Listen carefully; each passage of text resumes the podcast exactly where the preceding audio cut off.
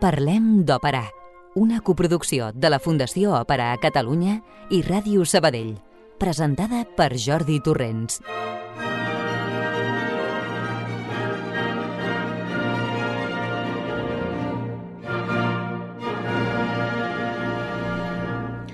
Bona tarda, vespre, nit, trieu vosaltres mateixos. El fet és que, però, els dies ja es van allargant, imperceptiblement, si voleu, però mica en mica es va fent fosc més tard, deixant enrere el més trist de l'hivern, camí de l'equinoxi de primavera, que és quan el dia i la nit seran igual de llargs o de curts. I això és d'aquí un mes només. Avui, darrer programa del mes de febrer, anem consumint mesos i cada cop som més a prop del final de la temporada, però anem pas a pas. Encara ens queda corda per una bona estona. El control de, to de so, Roger Benet i qui us parla, Jordi Torrents, us donem una cordial benvinguda.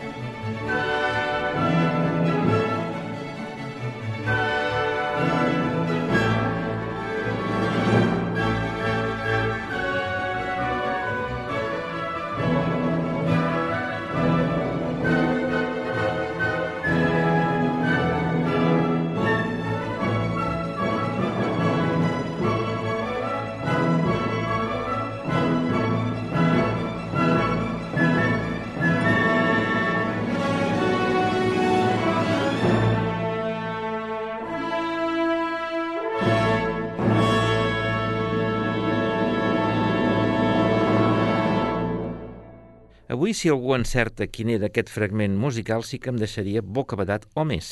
La que encapçala el programa d'avui és una òpera que és molt més que desconeguda, igual que ho és el seu autor o autora, en aquest cas, doncs és una dona, la compositora. Us diré, era l'obertura de Geri und Betteli, una òpera en un acte que va tenir la seva estrena a Weimar l'any 1873. La música és d'Ingeborg von Bronsart, també dita Ingeborg Bronsart von Schellendorf, i nascuda Ingeborg Maria Stark. Eh, va néixer a Sant Petersburg el 1840 de pares finesos eh, suecoparlants. Vaja, poti poti aquí, eh? de ben petita ja va demostrar dots musicals i va estudiar piano i composició completant els estudis de Weimar en Franz Liszt. El 1861 es va casar amb el pianista i compositor Hans Bronsart von Schellendorf. Va fer torners per Europa com a concertista de piano i va conrear la composició molta música de cambra i molta per a piano, però també òperes, entre elles aquest Singspiel Geri und Betteli. Abans que se m'oblidi, us diré que la versió que hem sentit de l'obertura d'aquesta òpera curta anava a càrrec de la Malmo Òpera Orquestra sueca, dirigida per Dario Salvi, un enregistrament que tenim un cop més gràcies a Naxos. Però encara no hem dit de què parlarem avui. Avui ens fixarem en el que fou el llibretista d'aquest Singspiel, l'argument del qual transcorre les muntanyes de Suïssa, on Betteli, una lletera, viu en una cabana amb el seu pare i es passa el dia treballant. Geri és el solter més cobdiciat de la zona, però ella no en vol saber res d'ell com a marit. Finalment, ell demana l'ajut d'un amic que utilitza uns mètodes força barroers, però que al cap i a la fi donen fruit, i així Geri i Bettely s'emparellen. Parlàvem del llibretista. Eh, Bronsart va utilitzar un llibret ja existent, doncs l'autor havia mort vuit anys abans que ella nasqués, i l'havia escrit el 1780. I el llibret era de, més ni, de ni més ni menys que de Johann Wolfgang von Goethe, Goethe, ja sabeu, la gran patum de les lletres alemanyes, tant que l'Institut que difon la llengua alemanya pel món, l'equivalent a l'Institut Cervantes espanyol, porta el seu nom. Goethe va escriure obres de les quals n'han sortit òperes famoses, entre elles potser les que més són Faust i Werther, però n'hi ha més, eh? Ja ho heu vist. Voleu saber-ne més coses? Doncs seguiu-me. Parlem d'òpera, un programa per escoltar i aprendre a escoltar. Goethe va néixer a Frankfurt el 28 d'agost de 1749 en el si d'una família pertanyent a l'alt funcionariat. Dotat d'una gran cultura i una intensa curiositat, va estudiar dret a Leipzig i Estrasburg. Fou un dels iniciadors del moviment cultural Sturm und Drang, Tempesta i Empenta, que seria el precursor del romanticisme contraposat a la fredor racional de la il·lustració, que venia de França. Sentiment eh, contra raó, prenent com a model les obres de Shakespeare. Una de les seves primeres obres fou la novel·la publicada el 1774, Les penes del jove Werther, una obra de caràcter epistolar i en part autobiogràfica. La inspiració la va tenir el 1772 quan treballava d'advocat a la ciutat de Wetzlar i es va enamorar de Charlotte Buff, promesa un altre advocat. Un tercer advocat, turmentat per un amor no correspost, es va suïcidar. Goethe va unir amb dues històries per crear el seu Werther, que, dit sigui de pas, en representar també el desencant de les noves generacions, va provocar una onada de suïcidis d'adolescents per Alemanya.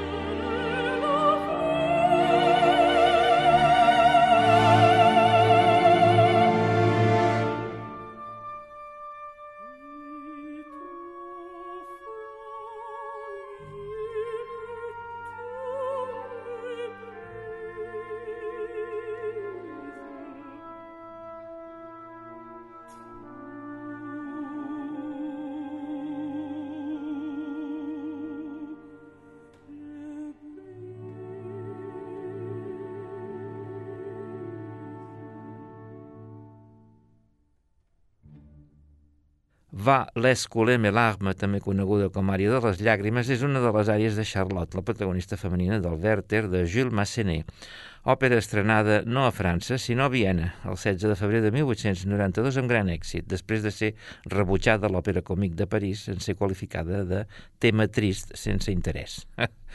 Cal dir que París va costar que triomfés, uns quants anys. Eh, Werther està enamorat de Lotte, o Charlotte, però aquesta està promesa a un altre home, Albert, amb qui es casa. Werther, una mica masoquista, desenvolupa una amistat íntima amb la parella que el fa patir moltíssim. I al final es suïcida d'un tret amb una pistola que ha demanat prestada a Albert. I d'aquí en va sortir aquesta icona de l'òpera francesa que, no obstant, i malgrat el tractament purament francès de Massenet, el tema és luterà i alemany al 100%. Però us diré que encara que pugui semblar que l'única adaptació operística de la novel·la de Goethe és Gestala de Massenet, no és així. N'hi ha unes quantes més. Eh, de cap d'elles ningú se'n recorda. Eh? A Itàlia, un dramaturg de nom Antonio Simone Sografi en va fer una adaptació teatral al gust italià, que en realitat era pràcticament una obra nova, i que va estrenar a Venècia el 1794. Aquesta obra es va dir Werther, Werther en B baixa, eh, no amb doble B, B baixa E, R, T, R, E, R. I ha sobreviscut un manuscrit musical d'una òpera en un sol acte que, a diferència de l'original, no acaba malament. És el gust italià, ja ho hem dit. El manuscrit, trobat el 1994 a Milà, té una nota que indica que és de Giovanni Simone Mair, el compositor alemany establert a Itàlia que fou mestre de Donizetti, com ja han dit moltíssimes vegades. Si és així, seria la primera òpera de Mair. I com que n'hi ha un enregistrament del 2001, us obsequio amb un fragment, una raresa total, total, que és el duet Tremi quel core audace amb el tenor Davide Cicchetti, Werther, i el baríton Gioacchino Zarrelli Ambrogio. L'orquestra és la Czech Chamber Solist i el director Paul Terracini. Res a veure amb el que puguem tenir al cap com a Goethe o les coses germàniques.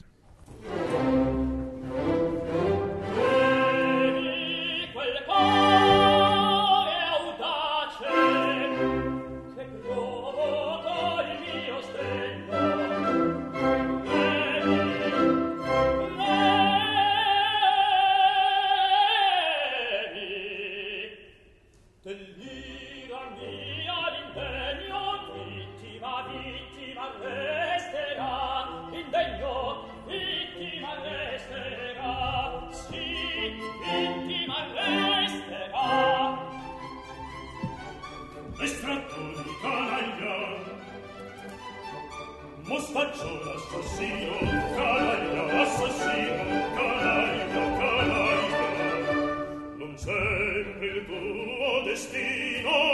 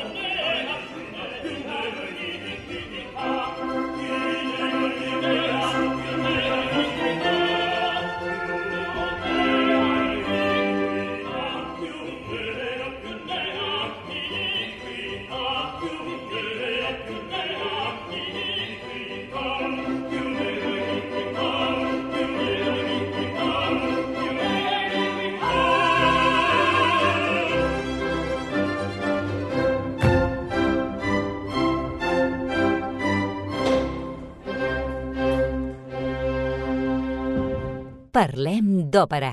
El 1775 Goethe va deixar Frankfurt, ciutat on per diverses raons se sentia com asfixiat, per instal·lar-se a Weimar, al servei del duc Carles August de Saxònia-Weimar-Eisenach, ciutat en la qual residiria durant la resta de la seva vida.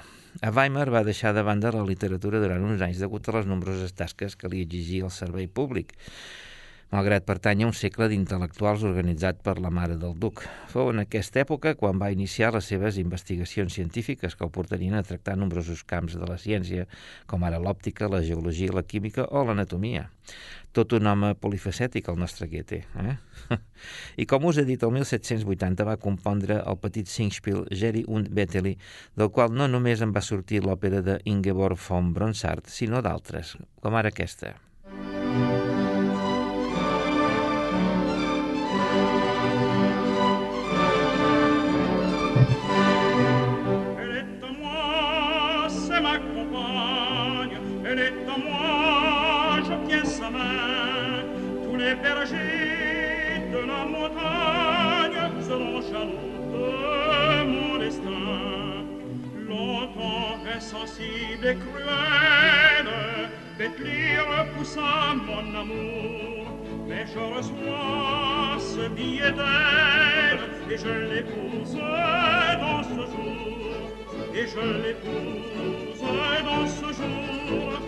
Je l'épouse dans ce jour.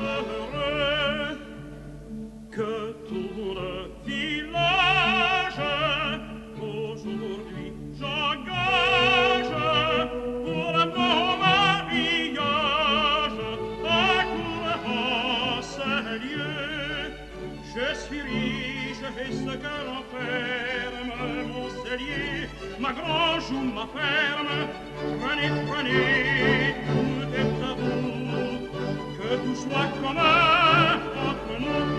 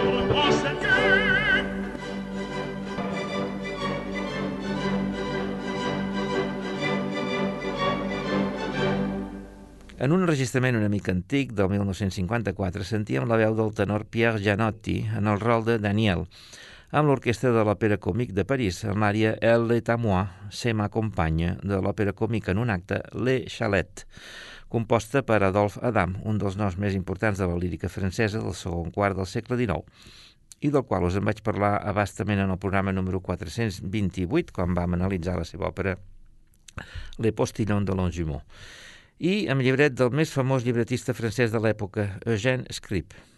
Le Chalet fou estrenada el 25 de setembre de 1834 a l'Òpera Còmic parisenca i ens explica de manera molt semblant la història que ja us he introduït quan us he parlat de Geri und Betteli. I aquí Geri es diu Daniel i Betteli, Betteli. El tercer personatge de l'òpera és Max, el germà d'ella, que torna de la guerra després de 15 anys. Ningú el reconeix i que és qui juga el paper crucial perquè la parella es deixi de romansos i es casi. però encara n'hi ha més.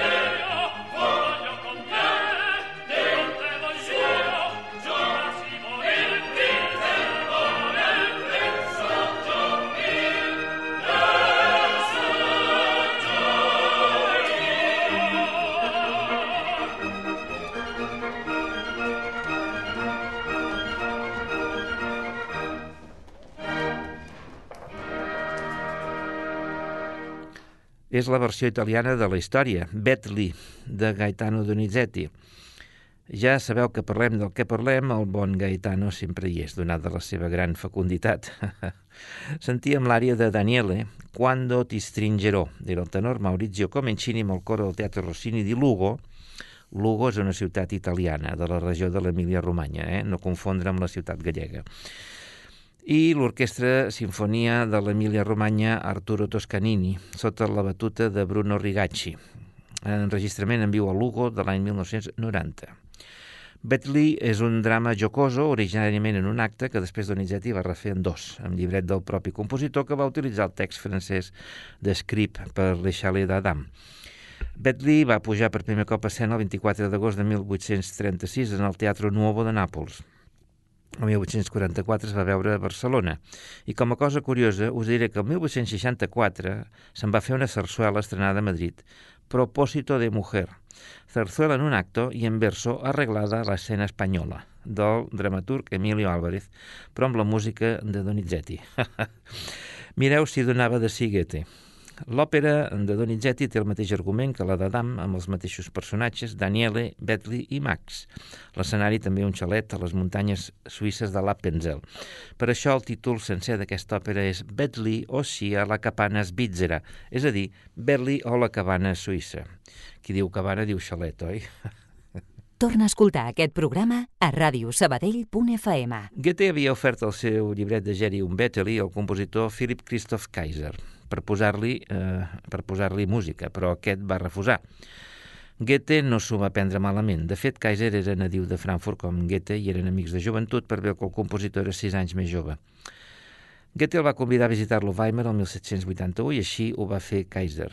I un cop més li va demanar que posés música a un llibret seu, en aquest cas un altre Singspiel, anomenat Scherz, List und Rache, que en català seria broma, astúcia i venjança.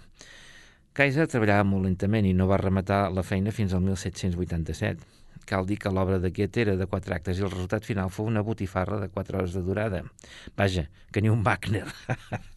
per a una obra lleugera amb influència de l'òpera bufa italiana i amb només tres personatges era evidentment excessiu. Sigui com sigui, no es va arribar a estrenar. Anys a venir, el compositor alemany Max Bruch en va fer una òpera còmica en un acte estrenada a Colònia el 1858. Pel que fa a la música de Kaiser, el manuscrit fou descobert a Zúrich el 1984 pel musicòleg i director Hermann Deschant. Nou anys més tard, el 1993, el Singspiel fou estrenat en el castell de Kochberg, prop de Weimar. Eh, posteriorment s'ha fet una o dues vegades més, però n'existeix un excel·lent enregistrament d'Harmonia Mundi a càrrec de Werner Erhardt al capdavant del conjunt instrumental L'Arte del Mondo. L'argument d'aquesta comèdia és un enredo on els personatges d'Escapin i Escapina tramen una conjura contra un doctor que els ha robat l'herència, eh? aconseguint treure'n profit de tot això. Molt poc per quatre hores, no creieu? Sentim-ne un fragment? Doncs vinga. Serà el final de l'acte primer Schlecht durch Wald und Wiesen, escola entre bos boscos i prats, amb Anika Bos, Escapine, Cornel Frey, Escapin i l'Arte del Mundo, dirigits per Werner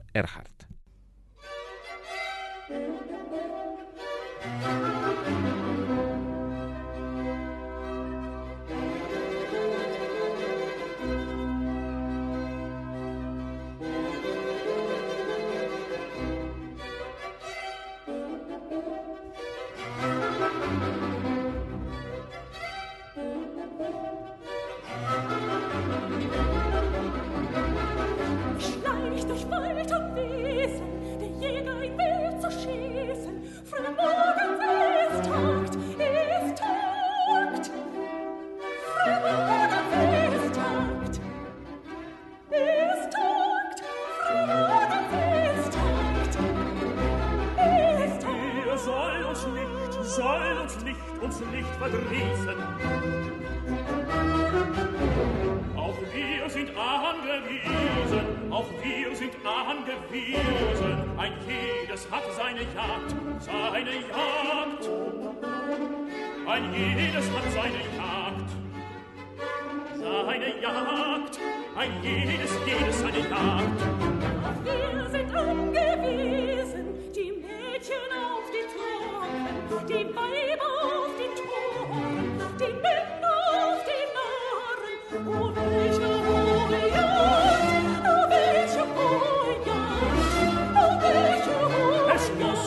nicht verdrießen, denn oft ist Malz und Haufen bei allen gar verloren. Man muss vergebens harren, wenn man nichts Kühnes wagt, Erhardt. Es ist nun deine Sache. Ich weiß, wie klug du bist. Es ist gemeine Sache. Ich weiß, ich weiß, wie klug. Wie klug du bist. Süß ist die Rache. Und angenehm Dies wird die Rache. Dies wird die Rache. Angenehm, die ist. Angenehm, die List. Angenehm eile und komme bald zur Ruhe. Nicht einen kleinen Augenblick. Eile und komme bald zur Ruhe. Eile nicht einen kleinen Augenblick. Komm, komme bald zurück. Ich komme bald. nicht einen Augenblick.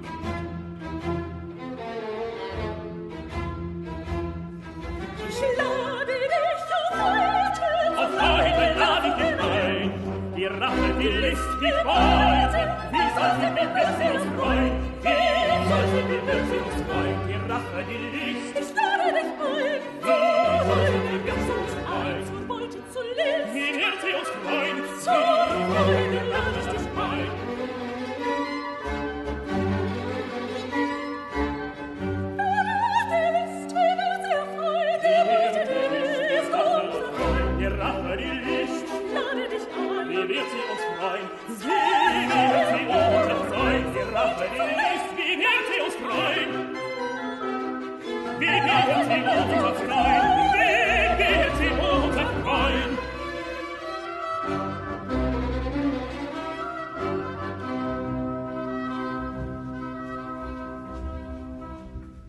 Parlem d'òpera, cada dijous a les 8 del vespre. Entre el 1791 i el 1813, Goethe fou també director del Teatre Local de Weimar. Gràcies a això, el 1794 va conèixer Friedrich von Schiller, per cert, un altre font operístic al qual li vàrem dedicar tot un programa ja fa un temps, el 330, i amb qui a partir d'aleshores va mantenir una bona amistat fins a la mort d'aquest el 1805.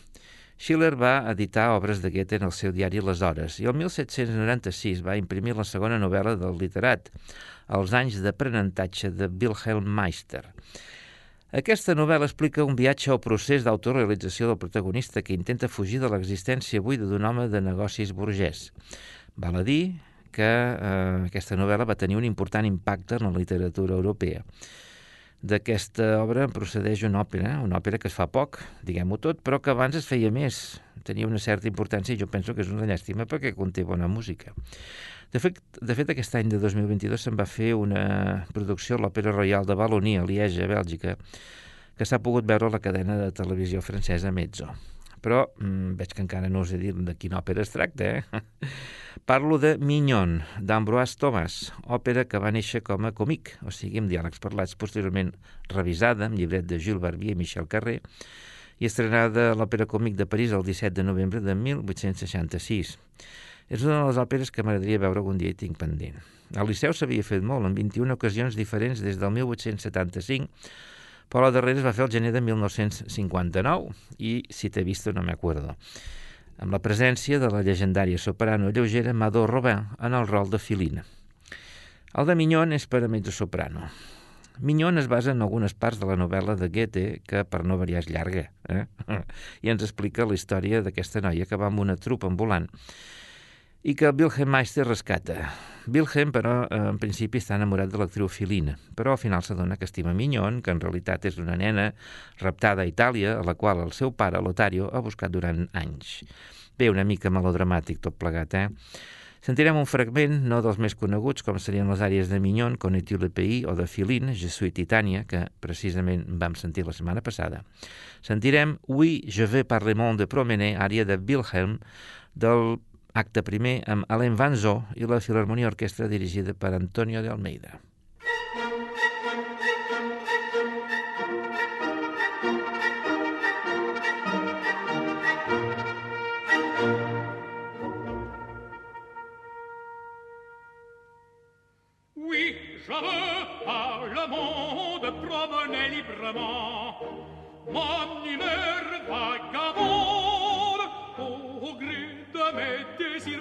Je veux courir gaiement, je veux gré de mes désirs, je veux courir gaiement.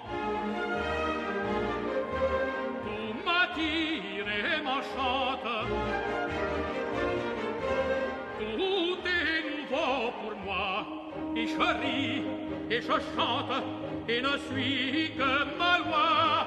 Ô maison paternelle, je fais mes adieux et j'ouvre enfin mon aile comme un oiseau joyeux. J'ouvre enfin mon aile comme un oiseau joyeux. Ah, oui, je veux par le monde promener librement. Mon humeur vagabonde, au gré de mes désirs, je veux courir gaiement. Pour rire, oh, pour rire, me désir, je veux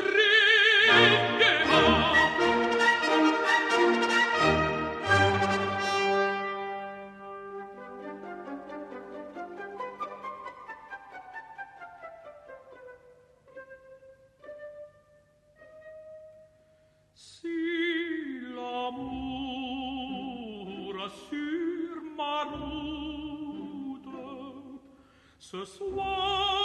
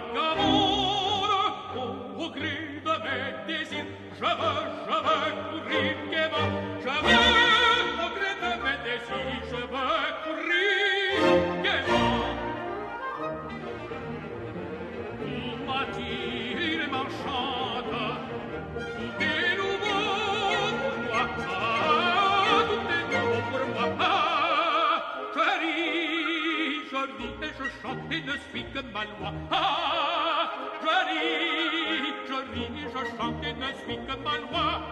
Oui, je veux par le monde voyager librement au gré de mes désirs.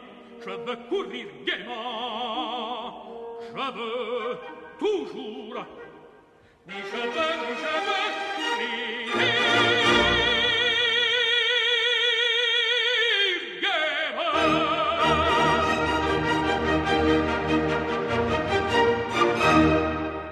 Parlem d'òpera. L'obra literària de Goethe, que havia començat identificant-se plenament amb el preromanticisme de und Drang, va anar evolucionant fins a renegar de tot això i identificar-se amb l'equilibri clàssic de la greco-llatina. Això fou bàsicament gràcies al seu viatge a Itàlia entre el 1786 i el 1788, que va acabar resultant transcendental. La magna obra de Goethe, tots ho sabem, és el Faust, eh, drama que anava constantment corregint i revisant, complexíssim.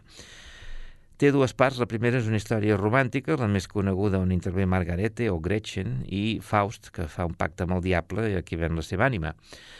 La segona s'aboca ja al classicisme. La primera part es va publicar el 1808 per bé que l'autor la va revisar, publicant aquesta revisió el 1829. La segona eh, la va acabar el mateix any de la seva mort, el 1832, i va aparèixer pòstumament. Tot plegat és una obra llarguíssima i enrebaçada que no ens correspon analitzar aquí. Només parlarem d'algunes de les òperes que han sortit de Faust, les més significatives, i començarem per aquesta.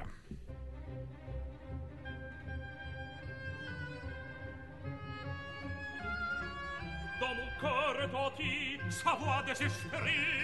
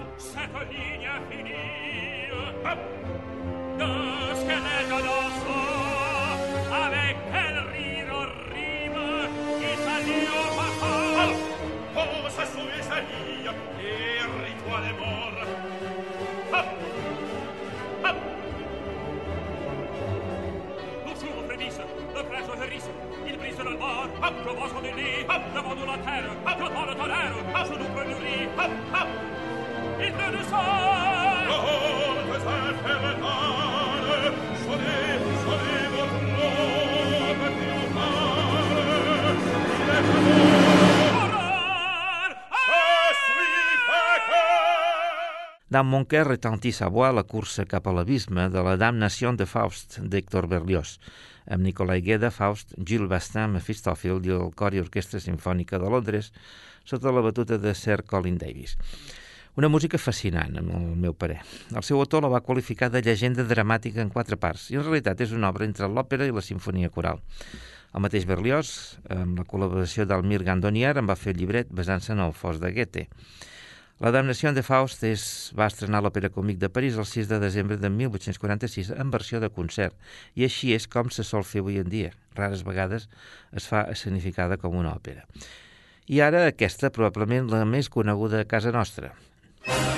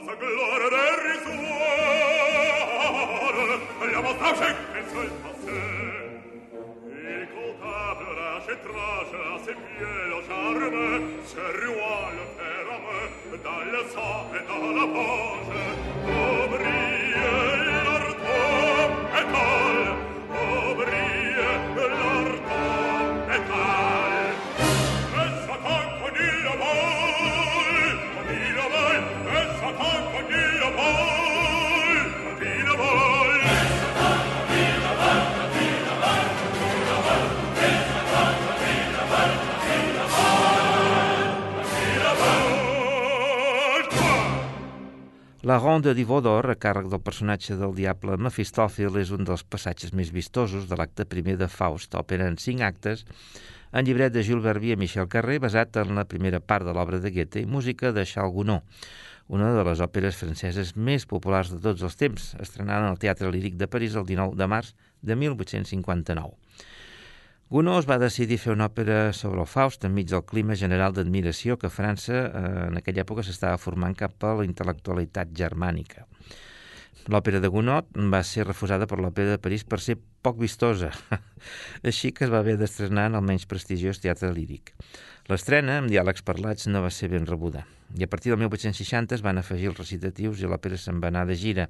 El 1862, en tornar a París, ja va conèixer l'èxit. I eh, no fou fins al 1869 que va passar finalment a l'òpera eh, i Gounod va haver d'afegir-hi l'obligat ballet, la nit de Valpurgis en el cinquè acte. I l'òpera de París se la va fer seva. L'òpera conté molta música bonica i brillant, però Gounod és un compositor massa superficial com per tractar un tema tan feixuc i complex com és el de Faust. Per això, a Alemanya, aquesta òpera mai es representa amb el seu títol original, sinó que s'anomena Margarete, ja que, orgullosos ells, consideren que l'òpera només versa sobre aquest personatge femení, un petit aspecte només enmig de la gran obra de Goethe. Us puc citar dos exemples germànics pel que fa al tractament operístic del Faust de Goethe i són Faust de Luis Spohr, estrenada a Praga el 1816, i Doctor Faust de Ferruccio Busoni, estrenada pòstumament a Dresden el 1925, però avui no en sentirem música sí que sentirem un fragment de la gran òpera sobre el tema feta a Itàlia, el Mefistòfele d'Arrigo Boito.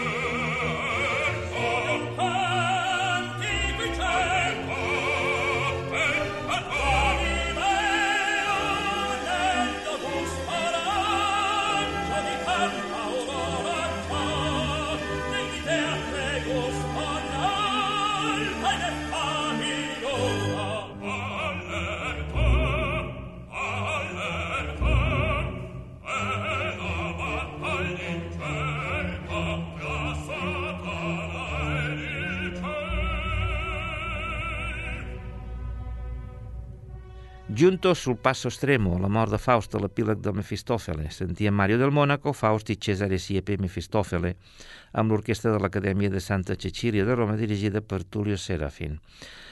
L'òpera es va estrenar a l'escala el 5 de març de 1868 sent rebuda amb hostilitat pel públic a la tilla de Wagneriana. L'òpera és retirada de seguida i el compositor immediatament es posa a revisar-la, escurçant-la i canviant la part de Faust de baríton a tenor. La versió revisada es va estrenar a Bologna el 4 d'octubre de 1875 amb un repartiment més apropiat i l'èxit va ser immediat. L'argument d'aquesta òpera ens mostra com el diable Mefistòfele aposta amb la cor celestial que farà caure l'ànima de Faust. Aquest, ancià, accepta el tracte que li proposa el dimoni, que li ofereix amor i saviesa. Faust sedueix Margarita, que acaba sent condemnada a mort per haver ofegat el fill que li ha fet Faust i enverinat la seva mare. Vamos, terrible. L'obra inclou una escena de la nit de Quelarre i tot un acte en què Faust és de l'Arcàdia i s'enamora d'Helena de Troia. L'òpera acaba amb Faust, vell, oblidant els plaers i tornant a seguir Déu mentre Mefistòfeles s'enfonsa en l'abisme. Una òpera molt complexa, la veritat, que jo encara no he tingut ocasió de veure. Doncs es fa poquíssim avui en dia. Al Liceu, per exemple, no es veu des del 1987. I bé, fins aquí hem arribat avui amb aquest repàs de les òperes que s'inspiren en obres de Johann Wolfgang von Goethe, que esperem us hagi agradat. Aquí al magatzem tenim molts més temes que us esperem i que aniran sortint, i d'aquí una setmana ja n'hi ha un esperant. I a vosaltres també us espero. Eh? Adéu-siau i fins dijous que ve. Contacta amb nosaltres. Òpera arroba radiosabadell.fm